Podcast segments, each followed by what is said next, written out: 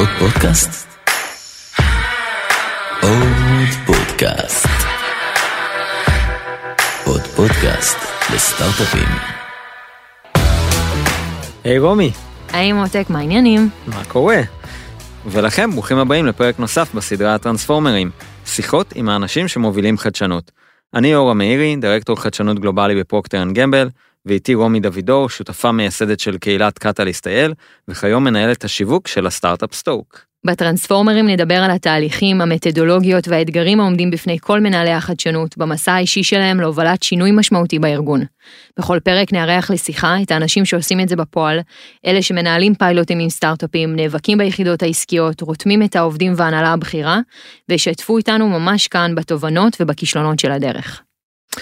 ומי שנמצא איתנו זה שחף שניר, מנהל החדשנות הפנים-ארגונית בכללית, ולשעבר מנהל חדשנות באמדוקס. היי שחף, אהלן, מה העניינים? מעולה. תענוג. אז אה, שחף, ספר לנו קצת עליך ועל העשייה שלך, אה, ומה זה בעצם אומר לנהל חדשנות בארגון הבריאות הגדול ביותר במדינה. וואו. אה, לא, לא, מאיפה אני אתחיל? קצת על עצמי. אה, אני בעשר השנים האחרונות אה, עושה כל מיני תפקידים של ניהול חדשנות בכל מיני ארגונים.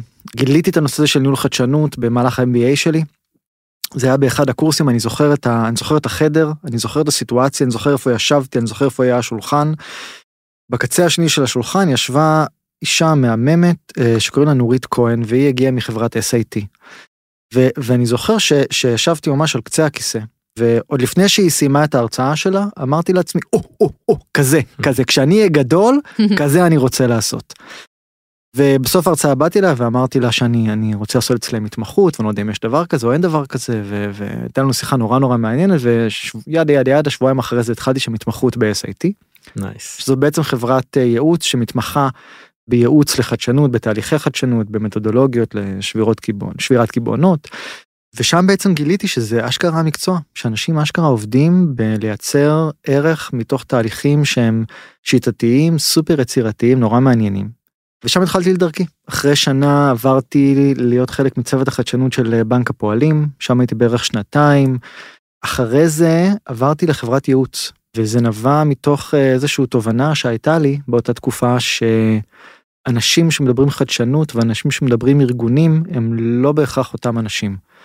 כל זה ניסיתי להבין איך מגשרים על, ה, על, ה, על, ה, על, ה, על הקו הזה של אה, לדבר על המודל של גוגל ו-ideations וכל מיני כלים ומתודולוגיות מגניבות אבל איך זה מתורגם לארגון שהוא בנוי כמו מכונה זה זה לא היה טריוויאלי לעשות. אז עברתי להיות יועץ ארגוני ששם גם התמחיתי בניהול שינוי ובייעוץ אסטרטגי ובייעוץ לחדשנות. משם עברתי להיות um, מה שנקרא innovation business lead בשפת אמדוקס. תפקיד של אה, ניהול חדשנות תפקיד גלובלי סופר מעניין ומשם עברתי לכללית שם אני נמצא היום.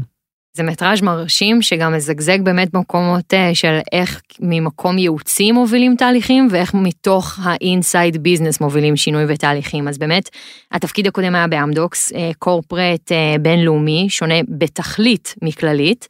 האם קיים הבדל בעבודת החדשנות בארגון אה, טכנולוגי במהותו לבין ארגון שאינו כזה? זאת אומרת, במה, במה זה בא לידי ביטוי?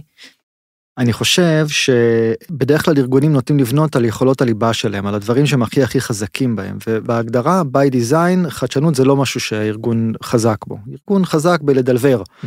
בנוי כמו מכונה שמייצרת תוצאות שהן צפויות והן חוזרות על עצמן, אז, אז חדשנות היא תמיד מגיעה מהצד, ואז אתה מנסה להתחבר למה שהארגון נורא חזק בו.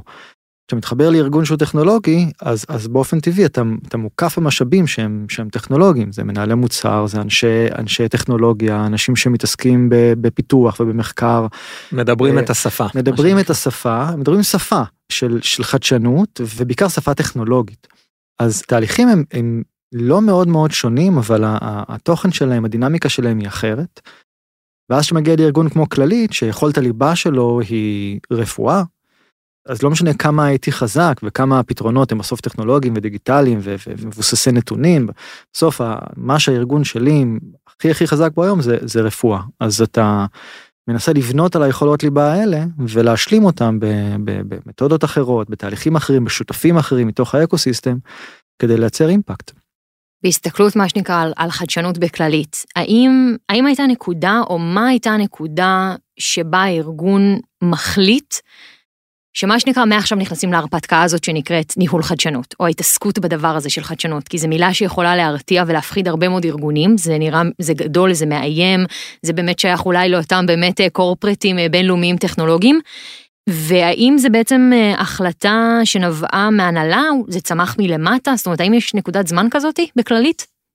אני חושב שיש אה, נקודה שבה לכאורה מקבלים החלטה, ואז יש נקודה אחרת שבה אשכרה עושים את זה. ו, ובארגוני בריאות, אני, כשאני הגעתי לכללית ההחלטה כבר התקבלה, לכאורה. למה? כי, כי אני חי בתעשייה שברור לגמרי, בצורה מאוד מאוד מוחשית וכואבת, שפתרונות העבר לא יכולים לתת מענה ל, ל, ל, למצב הנוכחי, לאתגרים הנוכחיים, כאילו העלייה ברמת התחלואה, התחלואה הכרונית, ההתבגרות של האוכלוסייה, הריבוי של, של, של מחלות שהולכות ומתפתחות, אפרופו השנה האחרונה. אה, לא נוכל לפתור את זה באמצעות זה שנכפיל את מספר המיטות ונכפיל את מספר הרופאים, זה לא, זה לא ריאלי. אז, אז אתה, ארגון כמו כללית מהר מאוד מבין שהדרך היחידה לעמוד בקצב, לא... לא, לא, עזבו לתת שירות טוב, באמת לעמוד בקצב של המציאות הזו, זה לייצר פתרונות שמגיעים מדיסציפלינות אחרות, שוברים פרדיגמות ומביאים חדשנות נורא משמעותית. אה, אז אני חושב שלצד ההבנה הרציונלית הזו, אני הרגשתי שהשנה האחרונה של הקורונה האיצה את התהליך שהיה רציונלי, היה מובנה, היה, היה מודע מאוד למשהו שהוא הרבה יותר, אה, הרבה יותר מואץ, הרבה יותר חזק, עם הרבה יותר אימפקט. אמ, אז כאילו נראה לי בתשובה לשאלתך אם אני חוזר לשאלה שלך אני חושב שיש יש את, ה, את הרציונל העסקי האסטרטגי שאומר אנחנו צריכים להיכנס כי השוק משתנה ואנחנו צריכים לעמוד בקצב. ומי זו... אומר את זה הנהלה הנהלה אומרת את זה או שמה שנקרא מלמטה שמתחילים מה שנקרא לצמוח אה, אתגרים וצרכים מה שנקרא מהמסדרונות או, או ממה שנקרא מהמחלקות השונות או באמת אסטרטגית הנהלתית אפילו גם ברמה התחרותית מה שנקרא שיש תחרות כן. במדינת ישראל בין הקופות בצורה מובהקת אז, כן. אז, אז משם הגיעה ההחלטה הזאת וההבנה הזאתי. ההחלטה ההחלטה בסוף מתקבלת רק למעלה mm-hmm. אני חושב שבלעדיה רעיונות מלמטה לעולם לא לא לא יישמעו אפילו. אה, אני חושב שצריך לפתוח להם את הצוהר, אה, אפילו קצה קצהו של חלון, ואז, ואז דברים מתחילים לבעבע מהשטח, כי אחרת הם, הם, הם, הם, לא, הם לא עולים באופן uh, טבעי לכדי מימוש, הם יכולים לעלות, לא לכדי מימוש. אז יש את הנקודה שבה אתה רואה, אוקיי, השוק משתנה, זה, זה, זה בדרך כלל פרספקטיבה שמגיעה מההנהלה, מסתכלת על השוק, על, ה, על המגמות, על המתחרים, ואומרת, הופ, הופ, הופ, הופ, המודל העסקי שהביאו אותי עד היום לא, לא, לא ימשיך לקדם אותי לעשור הקרוב. אה, ואז לפעמים אתה מקבל את, ה, את, ה, את הכאפה מהשוק, הכאפה הלא צפויה, קורונה זה כאילו כאפה שהיא נורא נורא קיצונית ומוחשית, אבל כל ארגון חווה את זה מה, מהסטארט-אפ הזה שהגיע משום מקום ופתאום בא עם איזשהו פתרון שמערער לך לחלוטין את, אה, את המודל העסקי, ולכאורה הוא היה שם לפני שנתיים, פשוט לא טרחת להסתכל עליו ברצינות. אה, אז זה נראה לי שילוב, גם של החלטה וגם של מציאות בועטת. ואם כבר הקורונה אז אני חושב שעל ארגונים כמו שלכם היא כנראה השפיעה כמעט יותר מכולם. ארגונים שמתעסקים בבריאות אבל ספר לנו רגע על ההבדל למעשה בין חדשנות פתוחה לחדשנות פנים ארגונית. מה באמת קיים הבדל במה במה זה שונה למעשה בין uh, תעשיות. כן. אני, אני חושב שלפני חמש שנים לי היה מאוד חד אה, כשההבדל בין חדשנות פתוחה לחדשנות אה, פנים ארגונית בעיקר בגלל שלמדתי אותה מתוך הרבה מודלים ומודלים מנסים ככה לפשט את המציאות למשהו שאפשר להבין. וככל שאני מתעסק יותר בנושא הזה אני אני מבין שהגבול הוא הרבה יותר מטושטש והוא גם משתנה בין תעשיות. זאת אומרת אפרופו ההבדל בין אמדוקס לכללית באמדוקס היו לי המון המון יכולות ליבה שאפשרו לי להביא מנעד של של פתרונות חדשניים בתוך הארגון על סמך יכולות הליבה בארגון. בארגון כמו כללית אני צריך להביא המון המון יכולות שמגיעות מהאקוסיסטם.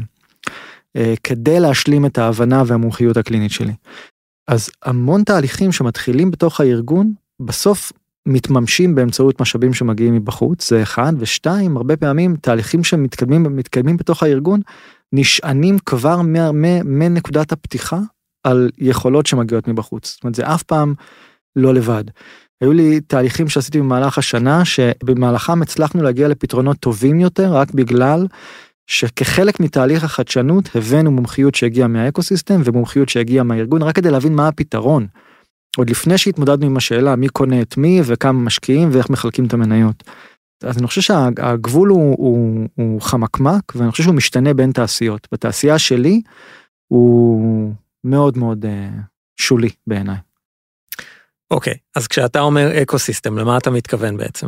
שאלה מעולה כי כי כי ecosystem זה כמו buzzword כזה נכון Mhm. קצת כמו בלוקצ'יין וכולם יודעים שיש ecosystem והיא מעולה עכשיו. בדרך כלל אינטואיטיבי לחשוב על ecosystem כסטארט-אפים כי אנחנו ב Start-Up Nation ואנחנו באמת מוצפים בסטארט-אפים ו- וספציפית אני שוב אני לא מומחה בתעשיות אחרות אבל בתעשיית הבריאות עולם הסטארט-אפים הוא מטורף כאילו יש מאות מאות רבות של חברות שעוסקות בביו-קונברג'נס ומבוססות דאטה ומשתמשות בטכנולוגיות באמת מדהימות המון המון המון אה, סטארט-אפים אה, האוריינטציה הטבעית אומרת אני פונה לאקוסיסטם בוא נפנה לסטארט-אפים למה כי סטטיסטית סביר להניח שיש שם את הפתרון לבעיה שלי נכון. כי יש כל כך הרבה פתרונות וכל כך הרבה אנשים חכמים שעושים שם עבודה. מה שאנחנו שוכחים בדרך זה שני דברים. אחד זה שיש עוד שחקנים בתוך האקוסיסטם כמו אקדמיה כמו קורפורטס עכשיו זוכרים שדיברנו על זה שהם בעצם משלימים יכולות ליבה? אז אז נגיד אני, אפנה לאקדמיה כשאני רוצה להשלים יכולות ליבה של אה, מחקר ופיתוח אני אפנה לקורפורט כשאני רוצה להביא יכולות של אה, של אה, של ביצוע יכולות מבוססות טכנולוגיות אני אפנה לסטארט-אפים כשאני רוצה להגיע לפתרונות שהם יותר נישתיים אבל מאוד מתקדמים מבחינה טכנולוגית כל כל אחד מהשחקנים האלה. קרנות הון סיכון ועוד ועוד כל אחד מהשחקנים האלה בעצם מביא לי added value אחר שמשלים לי את יכולות הליבה בתוך הארגון. עכשיו סטארט-אפים זה, זה, זה הבחירה הטבעית אבל מה שראיתי במהלך השנה האחרונה בכללית שהרבה פעמים עצם העובדה שאני משתף פעולה גם עם חברות קורפורט עם חברות רב לאומיות או עם dev shops כל מיני חברות כאלה קטנות שיש להם יכולות פיתוח והבנה מאוד מעמיקה של, ה, של התחום הזה בלי לפתח מוצר ספציפי מתמחים בפיתוח. היכולת שלי לעבוד איתם ולהגיע לפתרונות טובים יותר ממה שקיימים בשוק היא, היא, היא מטורפת. היא מטורפת כאילו אני וואו. אני זה כאילו זה נראה לי זמן טוב לדבר כרגע על מאתגר לפתרון זו הייתה חוויה מדהימה ש, שעברתי השנה. אם נגדיר במשפט וננסה מה שנקרא to simplify, כל מנהל חדשנות מה הוא רוצה, זה בעצם לחזור יצירה, הביתה בשלום. זה, זה בטוח וזה תמיד, אבל כל מנהל חדשנות רוצה וצריך יצירת אה, סביבה, environment שתאפשר לו בצורה הטובה ביותר לממש את תהליכי החדשנות שהוא רוצה להוציא לפועל. איך זה נראה היום בכללית, ה-environment הזה, ואיזה אלמנט אולי היית משנה ומשפר כדי לייצר לך סביבה תומכת יותר, לממש את מה שאתה, מה שנקרא, to deliver. וואו. אני חושב שבכללית אחד הדברים שהבנתי מהר מאוד שיעד אסטרטגי שלי כמנהל חדשנות צריך להיות אה, לעשות מה שנקרא דמוקרטיזציה של תהליך החדשנות כאילו להכניס יותר שחקנים לתוך התהליך הזה. מה שקרה בכללית שהגעתי אליה ועדיין קורה במידה רבה מאוד וזה קורה ברוב הארגונים שבדרך כלל חדשנות נעשית בבועות כאלה של IT של של מרכזי חדשנות כאלה ואחרים. וזה בדרך כלל מורכב מאנשים אה, פרופסיונליים שזה this is their day job. וכשאתה נכנס לארגון כל כך גדול כמו כללית ארגון של של 45 אלף עובדים שהוא הוא, הוא לאומי הוא לוקאלי זאת אומרת הוא לא גלובלי. תראו לעצמכם ארגון שהוא חי במדינה כל כך קטנה ומכיל 45 אלף עובדים לדעתי זה, זה המעסיק השני בגודלו ב, ב, בישראל.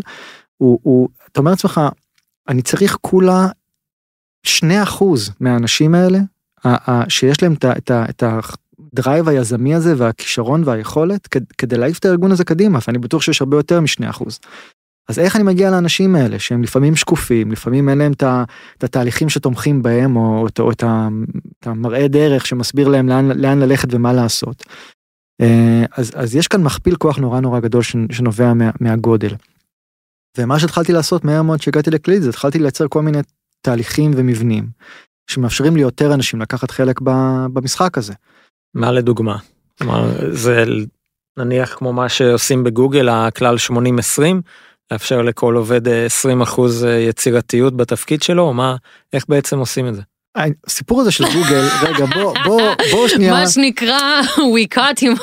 בוא רגע נשים את זה על השולחן זה, בסדר אפשר, אפשר לפתוח את זה. הכלל של 20% של גוגל אומר בוא תעבוד 120% בואו נכון. זה זה אנחנו תודה, יודעים איזה את זה. כיף שסוף סוף מדברים על זה. ו- ודיברתי עם כל כך הרבה אנשים שנמצאים בגוגל ש- שעובדים ומנסים לקדם חדשנות אמרו תשמע תשמע שחף זה, זה זה לעבוד בלילות זה 20 אחוז של בין 9 בערב חד משמעית. ל-11 בלילה זה לא משמעית. אז, אז זה מיתוס, וזה מיתוס, ש, וזה אולי גם הגדולה של גוגל, הוא, הוא כאילו מנציח את עצמו שנים, שנים, שנים, כאילו אני זוכר שדיברו איתי על גוגל על, על, על ה-2080 לפני 10 שנים. זה מטורף.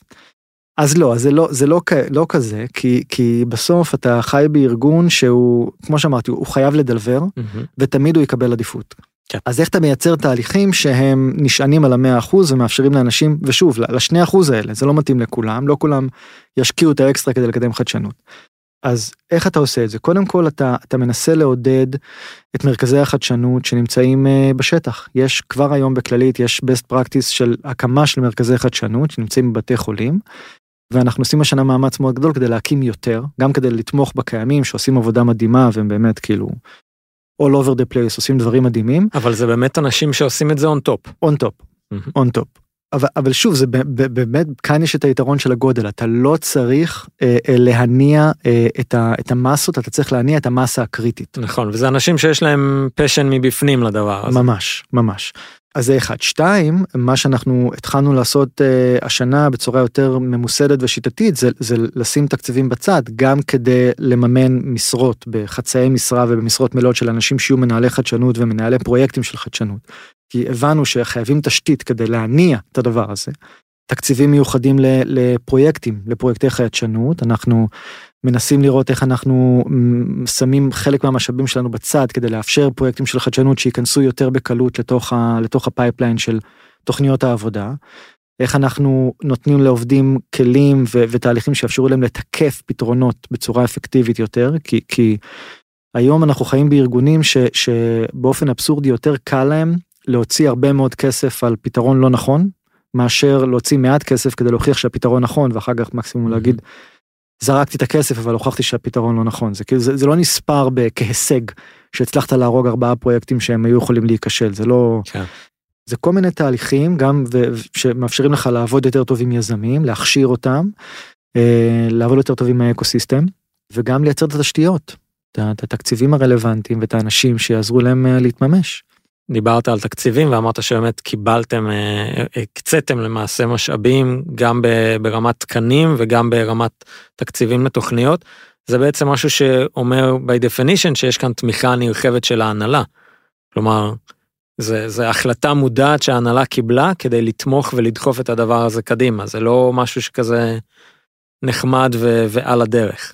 נכון, זה נכון, ועם זאת, אה, כל תקציב כזה מגיע עם ציפייה מאוד מאוד מאוד ברורה ל-ROI, שבעיניי זה דווקא משרת אותי. במקומות שבהם אה, יש ארגונים של, שמנהלי החדשנות לא מצופה מהם ל-ROI, אלה המקומות שאני חושש להם. מקומות שהמנ- שהמנכ"ל אומר, תשמע, אני, אני נותן לך את הכסף הזה, אבל אני מצפה לתמורה. אני לא מצפה לתמורה כמו שהייתי מצפה ל-ROI רבעוני, כמו שהיית אחד מקווי המוצר שלי. אבל אני כן מצפה שתייצר revenue, אני כן מצפה שה, שהאנשים שתכשיר לצורך העניין אה, יהיו עצמאיים יותר ויותר. כן הייתי רוצה להגדיר את מדדי ההצלחה ושתעמוד בהם, כדי שתצדיק את, ה, את התקציב הזה, ושבשנה הבאה נוכל לדבר על יותר. טוב, אז בואו נדבר על זה, שחף, רגע, באמת על כל הנושא של מדידה ועמידה בציפיות, ובאמת לא סתם אחד הנושאים שהכי מקשים על מיצוב המקצוע הזה של ניהול חדשנות, גם עבור האקוסיסטם ובעיקר פנימית, וגם להפוך אותו למבוסס ומוגדר, זה האתגר הכמעט בלתי אפשרי הזה, המאוד טנג'בל הזה, של למדוד דה פקטו את ה-ROI של חדשנות ואת המשאבים ש- שמקצים לזה. אז מה יש לך לומר באמת על הקשר בין מדידת חדשנות לבין הציפייה לתוצאות ממנהלי החדשנות? כי כמו שאנחנו יודעים, לא תמיד אפשר למדוד את זה, לא תמיד, כמו שאמרת, נורא קל להגיד כמה כסף הוצאנו, אבל אם מנעתי מה שנקרא כישלון של כמה דברים בדרך, אז איך על זה שמים איזושהי שורה? זאת אומרת, איפה זה היום נמצא? והאם אתה רואה, דרך אגב, בתור מישהו שנמצא כבר הרבה שנים בתחום, שינוי במקום הזה של איך היום מודדים כבר חדשנות? כן. אז אני לא חושב שזה נכון להגיד שאי אפשר למדוד את זה. תמיד אפשר למדוד את זה, השאלה היא מה המדד. וחשוב בעיניך למדוד את זה? קריטי למדוד את זה. כי אם, כי, כי אם לא מודדים את זה, אז מה? אז אתה לא, אתה לא רלוונטי, אז אתה, כשבמכה הבאה שהארגון יקבל, אותך יקצצו ראשון.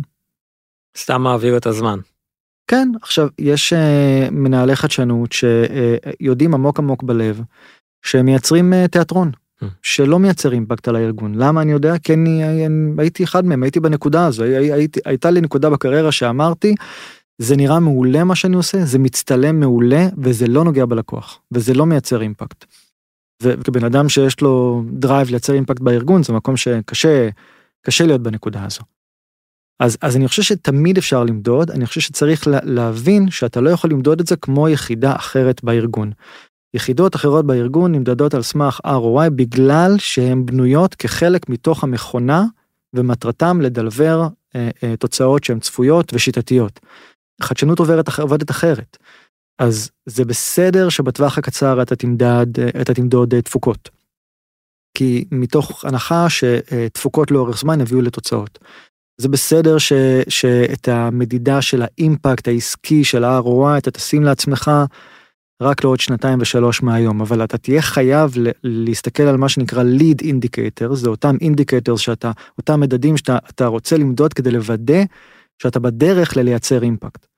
כי אתה יכול לייצר המון המון עשייה שהיא לא תביא לאימפקט.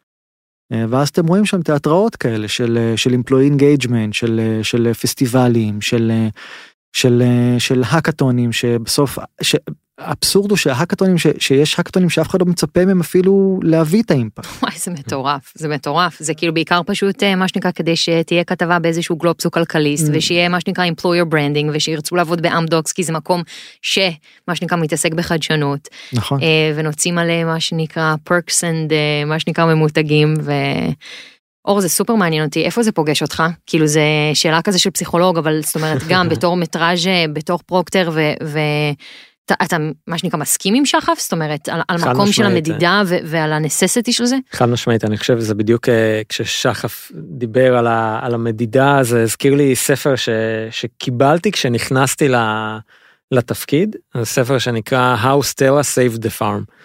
ספר קצר של אה, פרופסור, אה, אני מתנצל, אני לא זוכר את שמו. בוא נחזור אבל, אליכם עם זה. כן, בדיוק. אבל בעצם מדבר על זה שהדרך להצליח בארגוני חדשנות זה לא למדוד אותם כמו כל יחידה עסקית אחרת. כי אז הם, הם, זה מועד לכישלון by definition. והדרך היא באמת כמובן למדוד, כי מה שאתה לא מודד אתה לעולם לא, לא תצליח. אבל זה למדוד את זה בצורה שונה, באמת בהסתכלות קצת יותר long term, ובמדדים שונים, כי אם היחידה העסקית תהיה, תהיה מושפעת, סליחה, אם יחידת החדשנות תהיה מושפעת מהמכירות ברבעון הנוכחי, אין סיכוי שזה יעבוד, כי תמיד זה מה שיקוצץ ראשון, יחידת החדשנות, אם, אם כך ימדדו אותה. ולכן החשיבות של המדידה, וכל כך שמחתי אה, לקבל את הספר הזה ו- ולקרוא אותו, כי זה זה מעיד על ההבנה של ההנהלה שאומרת אנחנו מסתכלים עליכם אחרת. זה גם מדבר על לאן בעצם ה... היחידה העסקית הזו מדווחת. יחידת החדשנות שלנו מדווחת ישירות למנכ"ל, כלומר היא לא תחת אף אחד מ... מהחטיבות השונות. היא ממש בערוץ נפרד ולכן היא גם נמדדת בנפרד והיא פחות מושפעת מהרעשים או מהבעיות היומיומיות שיש. אני יכול לפנות רגע מה שאמרת, I'm going to geek out a bit. ברור, נו, אוקיי? בשביל מה אנחנו כאן? אתה לא זוכר איך קוראים לו, כי יש לו שם הזוי, קוראים לו ויג'יי גווינדרג'ן. נכון. והבחור הזה חבר אחרי כמה שנים עם בחור בשם קריס טרימבל, והם כתבו עוד ספר שקוראים לו The Other Side of Innovation. ושמה הם ממש מפרקים את הרציונל מאחורי בנייה של פרויקט ושל צוות פרויקט של חדשנות. ואחד הדברים שהם אומרים, ההצלחה של הפרויקט נקבעת בהתחלה, לא בסוף. היא mm. נקבעת על ידי זה שאתה מגדיר את המשאבים הנכונים, את ה-ownership הנכון בתוך הארגון. אתה, אתה מגדיר את המדדים שיאפשרו לך להציג אה, אה, תפוקות בטווח הקצר ותוצאות בטווח הארוך. זה חזק, זה חזק בעיניי. כאילו, זה חזק בעיניי הידיעה ש, ש, שמה שאנחנו מדברים עכשיו הוא, הוא נורא מובנה, זה לא, יש בזה גם הרבה אינטואיציה, אבל באמת יש כל כך הרבה כלים וכל כך הרבה מתודות שמאפשרים לך לעשות את זה, ועדיין אנחנו לא עושים את זה מספיק.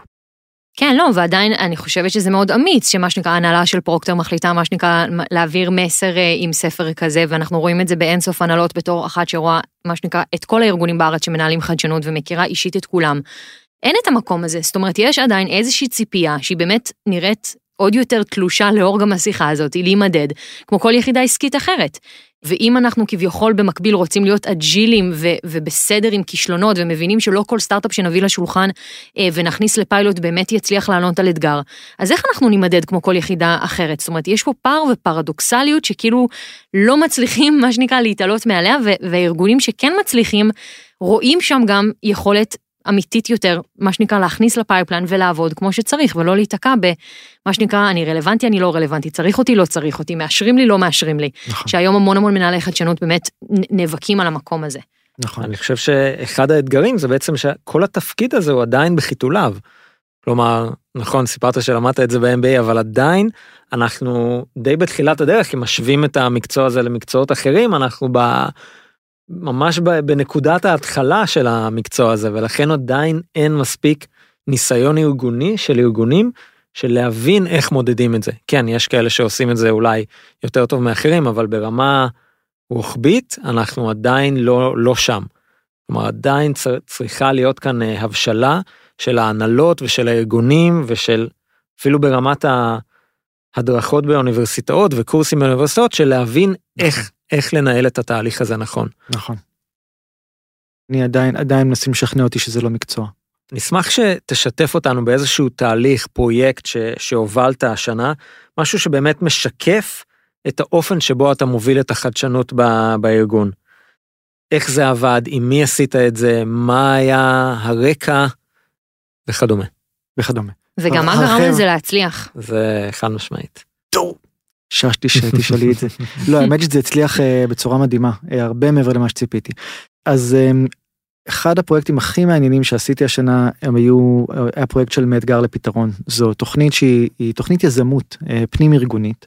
נורא מיוחדת. היא מיוחדת בגלל שאפרופו אפרופו גיבוי ניהולי קודם כל היא בחסות המנכ"ל.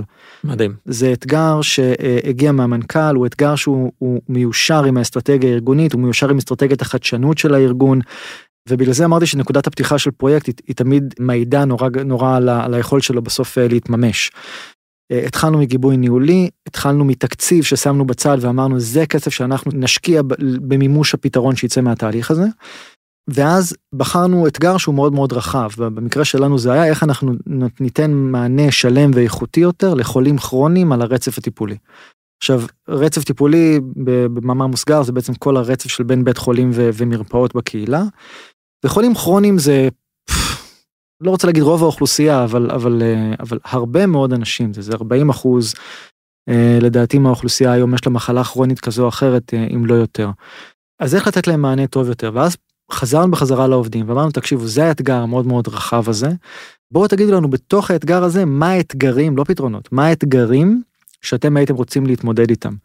עכשיו קיבלנו המון אה, זה, זה אני חושב שזה מאוד אופייני לישראלים אני לא ראיתי את זה במקומות אחרים בחו"ל כל פעם כשאתה מבקש מאנשים אתגר הם באים לכם פתרון. נו ברור. כן, אוקיי, או, או, או פתרון או, או קיטורים. כן. זה, כן. זה זה או זה. כן, לא, אה, אה, או, כן, בדיוק, ניסינו וזה לא הצליח לפני שנה ולפני שנתיים, אז, אז קיבלנו המון המון פתרונות ו, וממש נלחמנו בהם ואמרנו תקשיבו, אנחנו הולכים לייצר צוות מולטי דיסציפלינרי שבהגדרה יביא פתרון טוב יותר ממה שנכנסת איתו לתהליך. וקיבלנו קיבלנו engagement מטורף קיבלנו 120 צוותים שהגישו מועמדות זה מאות אנשים בכל הארגון זה זה אף אחד לא ציפ אנחנו לא ציפינו לכזו הצלחה סיננו מיינו ובחרנו מתוכם איזה שבעה צוותים. ולכל אחד מהצוותים האלה שהם הם היו על הרצף הטיפולי זאת אומרת כבר זה שהם היו צוותים הוליסטיים שהכילו אנשים גם ממרפאות וגם מבתי חולים שמטפלים באותם מטופלים בעצם. אה, זו הייתה נקודת פתיחה מעולה זה היה סיילו נורא נורא משמעותי בתוך הארגון ששברנו. חיברנו אליהם מנהלי מוצר מתוך הארגון, מומחי שירות מתוך הארגון, וכאן מגיע החלק המעניין, חיברנו אליהם דיזיינרים שהגיעו מחוץ לארגון, שתמכו בתהליך אה, של מחקר אתנוגרפי שהוא בעצם דיזיין לד, וחיברנו לכל צוות נציג של חברה מתוך האקוסיסטם שאמרה אני רוצה לעזור לכם לפתור את הבעיה הזו. עכשיו זה היה תהליך מאוד מתודולוגי מאוד שיטתי אה, כמו שאמרתי דיזיין לד ללכת ו... לדבר עם מטופלים, לדבר עם מטפלים, להבין את השטח, להבין את הצורך האמיתי מאחורי הכותרות והאתגר ש, שאנחנו חושבים שאנחנו מכירים.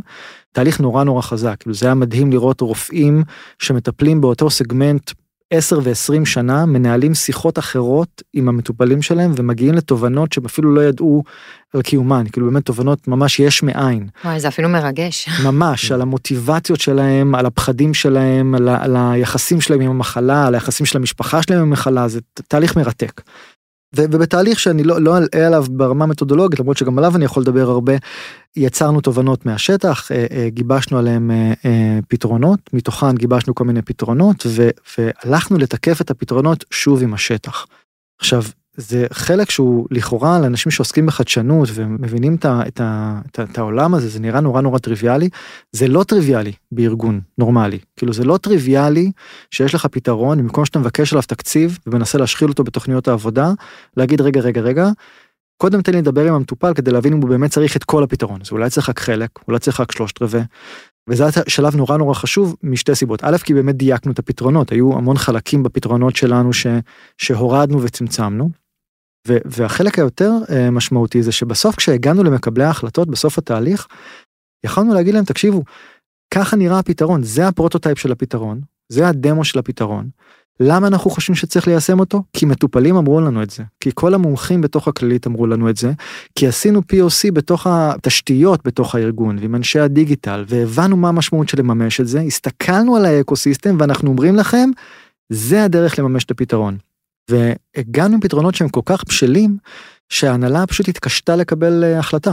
בסוף היה פתרון אחד שזכה במרכאות כפולות בתחרות ונבחר כפרויקט מנכ"ל, אבל יש עוד שלושה או ארבעה פרויקטים נוספים תוך כדי, שנוצרו תוך כדי התהליך הזה, שעכשיו אה, נכנסים לתוכניות העבודה, ברמות אה, בשלות כאלה ואחרות. זה, זה באמת מעניין כי סיפרת פה על המון צוותים ועל engagement מאוד גבוה מהרבה מאוד עובדים.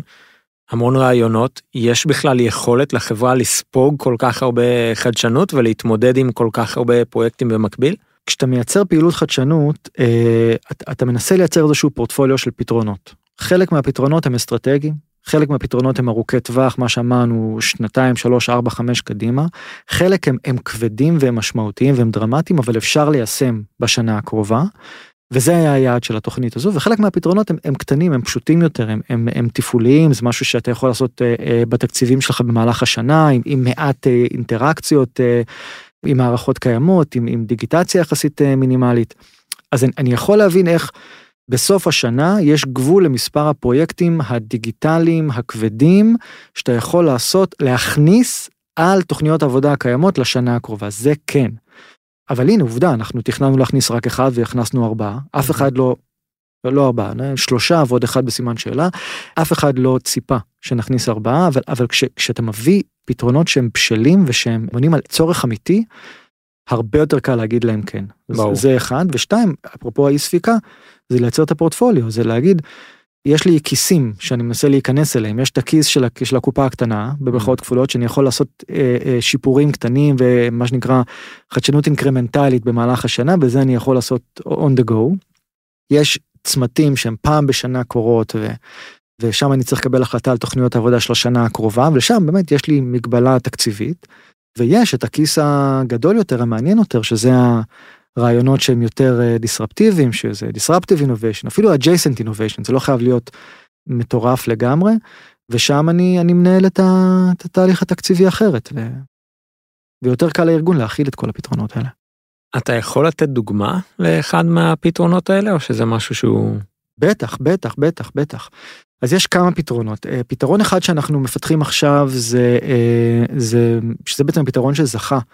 זה פתרון שעוסק בשיפור מסע המטופלת של חולת סרטן שד. זה נושא נורא נורא נורא כואב. חולת סרטן שד, אה, מהרגע שמגלים אצלה איזשהו גוש חשוד, עד הרגע שהיא אשכרה מתחילה את הטיפול ומבינים מה המשמעות של הגוש הזה ומה לעשות איתו, יכול לקחת חצי שנה. עכשיו בחצי שנה הזו האישה שאמרו לה לפני חצי שנה ש... שיש לה איזשהו ממצא חשוד היא כבר כבר כבר כתבה צוואה היא כבר נפרדה מכל כן. החברים במשפחה שלה כאילו בא... רק החצי שנה הזו עולה לה בבריאות. עכשיו זה נובע מתהליך שהוא מאוד מסורבל יש שם המון המון המון אנשי מקצוע הם מפוזרים אה, במרחב הם, אה, הם, הם, אה, ב- במוסדות שונים יש שם מוסדות של דימות ובתי חולים והרבה הרבה רופאים מומחים. התהליך שלנו יצר קונספט שתיקפנו אותו כמובן עם מטופלות של, של מסע דיגיטלי. שגם מאפשר לקצר את זמן ההמתנה בין השלבים השונים, גם מנגיש מידע מתי שהיא צריכה, גם מנגיש לאנשים אמיתיים, מנגיש לה תמיכה של אחיות או של הרופא בנקודות מאוד ספציפיות במסע שאנחנו יודעים ששם היא צריכה את היד, היא לא צריכה את, הצ'טבוט, היא צריכה את הבן אדם ש, שיגיד לה הכל בסדר אני כאן איתך. ומצד שני יש נקודות אחרות שבהם אתה יכול לסרוק את, ה, את, ה, את הצילום את הצילומי דימות שלה ולהגיד תקשיב במצב הנוכחי אפשר להקדים לך את התור אפשר לה, לשים לך תור בתאריך הזה והזה אפשר לייעל את התהליך. אני חושב שמה שכיף אולי בעבודה הזו שאתה באמת רואה איך אתה משפיע על אנשים. אתה באמת לא, זה מיוחד, נוגע זה... בחיים אני שלהם. כולי פה מה שנקרא מתרגשת ואני חושבת שהעולם הרפואה והבריאות מה שנקרא עובר תהליך מאוד משמעותי של פרסונליזציה ואפליקציות שמה שנקרא גם להיריון לנשים ולעקוב אחר אה, השלבים השונים וגם ברמה המשפחתית וגם ברמה זאת אומרת יש הבנה שזה לא שצריך מה שנקרא את הבן אדם כאילו הרופא הוא זאת אומרת יש פה כל מיני פונקציות שצריך להתייחס אליך זה מרגש זה נשמע מדהים. ישבו או ינהגו מנהלי חדשנות ויקשיבו לנו ויקשיבו לך. תיארת פה סוג של קונספט, של תהליך של, של חדשנות מאוד מאוד מעניין. מה שני דברים מבחינתך לשים לב אליהם, או שני הדברים שגרמו לזה להיות מוצלח, כי בסופו של דבר גם לדעת לסנן מאות צוותים ומאות אנשים זה עניין, וגם להבין עם מה, עם מה הולכים קדימה ומה משאירים שנייה אולי על, uh, במגירה ומה שולפים אחר כך. אז אם יש לך דבר, שניים, ש... מה שנקרא, אני לא רוצה לקרוא לזה טיפ, אבל איזושהי תובנה ש, שמה שנקרא גרם לזה להיות מוצלח וטוב ויעיל. כמו שאמרתי נקודת הפתיחה הייתה גיבוי ניהולי מהמם. וגיבוי ניהולי הוא עלול להיות מתעתע כי כי הרבה פעמים אתה מקבל גיבוי אבל התיאום ציפיות האמיתי לא נעשה. זאת אומרת אתה מרגיש שהמנכ"ל מאחוריך אבל אתה לא באמת מבין מה הוא מצפה ממך שיצא מהתהליך הזה. כי אני היו לי כבר הרבה תהליכים שקיבלתי גיבוי ניהולי אבל ידעתי עמוק עמוק בלב שהם בעיקר רוצים לעשות נעים בבטן או נעים בגב ל- ל- ל- לעובדים which is fine רק בואו שימו את זה על השולחן וזה כן, מה או כמו שנעשה. any good relationship על תיאום ציפיות ותקשורת, מה שנקרא טובה בין... אה, כן. הכי, הכי חשוב ש, שיש גם בעבודה מול הנהלה גם בעבודה מול סטארט-אפים אה, זה באמת זה ה basic. נכון אז אז אז זה אז זה אחד באמת היה לא, אז היה לי א' גיבוי ניהולי וב' גיבוי ניהולי להביא תוצרים כאילו היה לי ברור ששמנו תקציב אה, לא טריוויאלי בכלל מכובד מאוד שמוקצה למימוש מה שיצא מהתהליך הזה היה לי ברור שאם אני מביא פתרונות שהם מאפנים לא עשיתי שירות לאף אחד אז זה אחד ושתיים. אני הולך להגיד אה, טיפ שהוא מאתגר מאוד לנסות להכניס כמה שיותר אנשים מסוגים שונים לתוך הצוות. זה מאתגר בגלל שאתה מוצא את עצמך אה, מנסה לייצר תהליכי עבודה בארגון שהוא מוגן על ידי חומות אה, אש ו- ו- והגנת מידע לאנשים שמגיעים מבחוץ הם לא מצליחים לשתף קבצים יש להם שפה אחרת יש להם הבנה אחרת על מה זה חדשנות והבנה אחרת של השטח. אבל כשאתה מביא את המנעד הזה של האנשים שהם גם מנהלי מוצר וגם מעצבים וגם אנשי טכנולוגיה וגם אנשי, אנשי מקצוע במקרה שלי אה, רופאים ואחיות וסיעוד ואתה מאפשר להם לדבר ביחד ולתקשר ביחד ולעבוד ביחד בתהליך שהוא הוא מקל עליהם, השמיים הגבול, השמיים הגבול. אז כאילו זה גיוון בתוך הצוות ולעזור לגיוון הזה להתממש כי זה הגיוון הזה הוא לא טבעי בעליל. הוא לא טבעי בעליל אם לא אם לא תדע לא תדע לעשות את הפסיליטציה לתהליך אה, זה יתפוצץ לך בפרצוף. רוצה לשאול על דווקא מה לא עובד טוב. מה היום האתגר המשמעותי עבורך? תראה קודם כל אני חושב ש, ש, ש, עם כל כמה שאנחנו באמת לוקחים חדשנות מאוד מאוד ברצינות בכללית ויש דברים נורא מדהימים שקורים זה זה ארגון שהוא uh, כבד. הוא מאוד מאוד מאוד גדול. הוא מושתת על מערכות כבדות מערכות לגאסי קשה מאוד להתממשק אליהן קשה מאוד uh, uh, לשנות אותן. ו, ובסוף כמעט כל פתרון שאתה מנסה להביא שהוא בעל ערך הוא חייב להתממשק לתוך הארגון והארגון לא בנוי להתממשקות. עכשיו זה זה זה נכון גם ברמה הטכנולוגית וגם ברמה הפסיכולוגית. זאת אומרת לא טריוויאלי לארגון כמו שלנו לפתוח את דלתותיו לאנשים שמגיעים מבחוץ ולעבוד איתם בשיתוף פעולה פתוח כזה נקי כאילו זה, זה תמיד זה מורכב. אני ראיתי את זה גם בתהליך שלנו. היו היו שלבים שהשותפים ש, שהגיעו מהאקוסיסטם עבדו עם ביחד עם הצוותים אה, כתף אל כתף וכחלק מהתהליך הם עשו due diligence עשו POC בתוך הארגון ונפגשו עם כל מיני מנהלי מנהלי תחומים. שלא הבינו מה, מה, מה, מה הם? עושים, מה- כן, למה אתה מדבר איתי על היכולות שלי, אתה באת, מה, מה, מה באת למכור לי? אז זה חלק מהקושי ואני חושב שזה גם חלק מההזדמנות. כי, אוקיי. כי אני, אני, אני ממש יכול לספר על, על שיחה שהייתה לי שבוע שעבר, שדיברתי עם אחד מה, מה, מהרופאים שהיו בצוות, והוא סיפר לי על שיחה שהייתה לו באותו שבוע עם אחד מהנציגים בחברת הפארמה שהוא, ש, שהיא שותפה לת- לתהליך. הוא אמר לי, תשמע שחף, דיברתי איתו, ואני מכיר את הבן אדם הזה שנים, בחיים שלי לא דיברתי איתו כמו שותף, כמו שדיברתי איתו בשיחה ההיא.